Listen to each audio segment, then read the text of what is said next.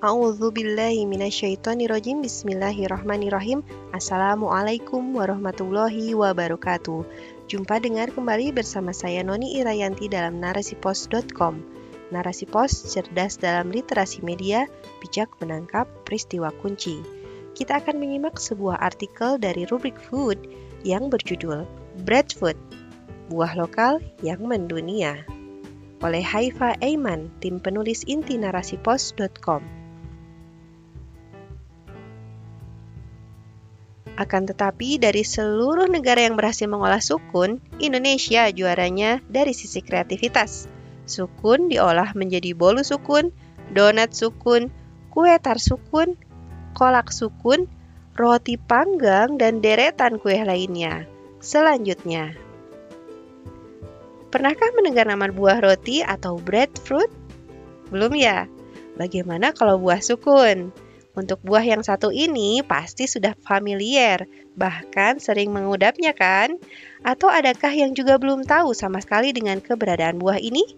Breadfruit adalah sebutan bangsa Eropa untuk buah sukun. Saat muda, kulitnya berwarna hijau terang.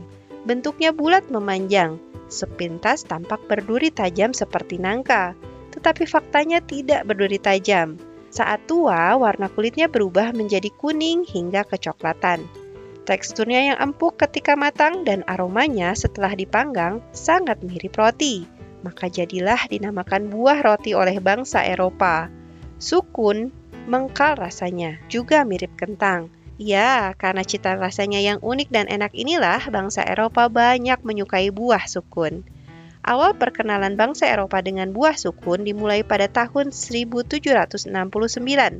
Sir Joseph Banks yang merupakan ketua perkumpulan kaum ningrat Inggris sekaligus seorang ahli botani berusaha mencari sumber pangan yang murah tetapi kaya energi untuk konsumsi para budak.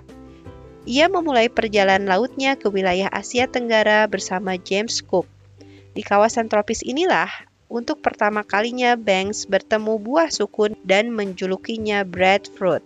Misinya menemukan sumber pangan baru terjawab oleh buah sukun. Demikianlah awal perjalanan sukun yang asli Nusantara sampai ke seluruh dunia. Distribusi sukun seiring dengan perdagangan rempah-rempah ke Eropa. Sukun juga menyebar hingga ke wilayah utara Samudra Atlantik di Karibia bersama perbudakan. Budak-budak yang dimaksud dalam ekspedisi James Cook adalah para budak Irlandia yang dikirim ke negara-negara Karibia. Kandungan buah sukun Buah yang memiliki nama ilmiah atau Carpus altilis ini kaya serat sehingga baik untuk kesehatan pencernaan. Bila matang, rasanya lebih manis karena patinya berubah menjadi gula. Dalam satu buah sukun, kandungan karbohidratnya sebanyak 30 persen, dan kadar airnya 70%. Sukun juga mengandung rata-rata 20 mg vitamin C dan mineral yang dibutuhkan tubuh. Apabila buah sukun dikeringkan dan dijadikan tepung, kandungan patinya mencapai 75%, gula 31%, 5% protein, dan 2% lemak. Dengan komposisi semacam ini sangat tepat bila sukun dijadikan makanan pokok. Manfaat sukun Allah Subhanahu wa taala secara umum menyebutkan buah-buahan dalam Al-Qur'an surat An-Nahl ayat 11 yang artinya dia menumbuhkan bagi kalian dengan air hujan itu tanam-tanaman, zaitun, kurma, anggur dan segala macam buah-buahan. Sesungguhnya pada yang demikian itu benar-benar ada tanda kekuasaan Allah bagi kaum yang memikirkan. Dalam tafsir Musayyar yang dikutip dari laman tafsirweb.com, Allah menumbuhkan berbagai tanaman sebagai sumber makanan bagi manusia. Yang demikian itu agar manusia benar-benar memikirkan kekuasaan Allah dan mengimaninya.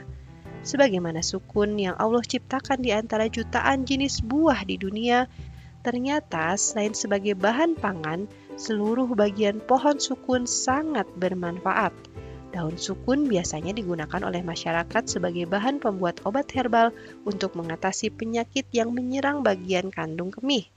Walaupun kalangan medis masih meragukan khasiatnya, tetapi banyak warga masyarakat mempercayai khasiatnya dan tidak sedikit dari penderita yang sembuh. Cara memanfaatkan daun sukun juga dengan menyeduh serupa teh. Penggunaannya harus rutin.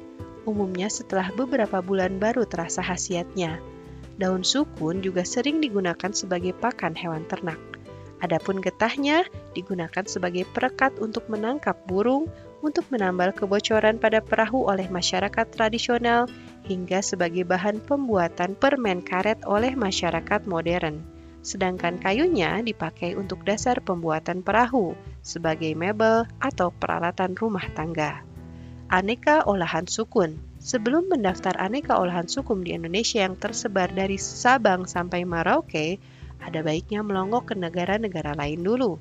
Di Sri Lanka, sukun dimasak kari bersama santan dan beberapa rempah. Kadang hanya dikukus ditambah parutan kelapa.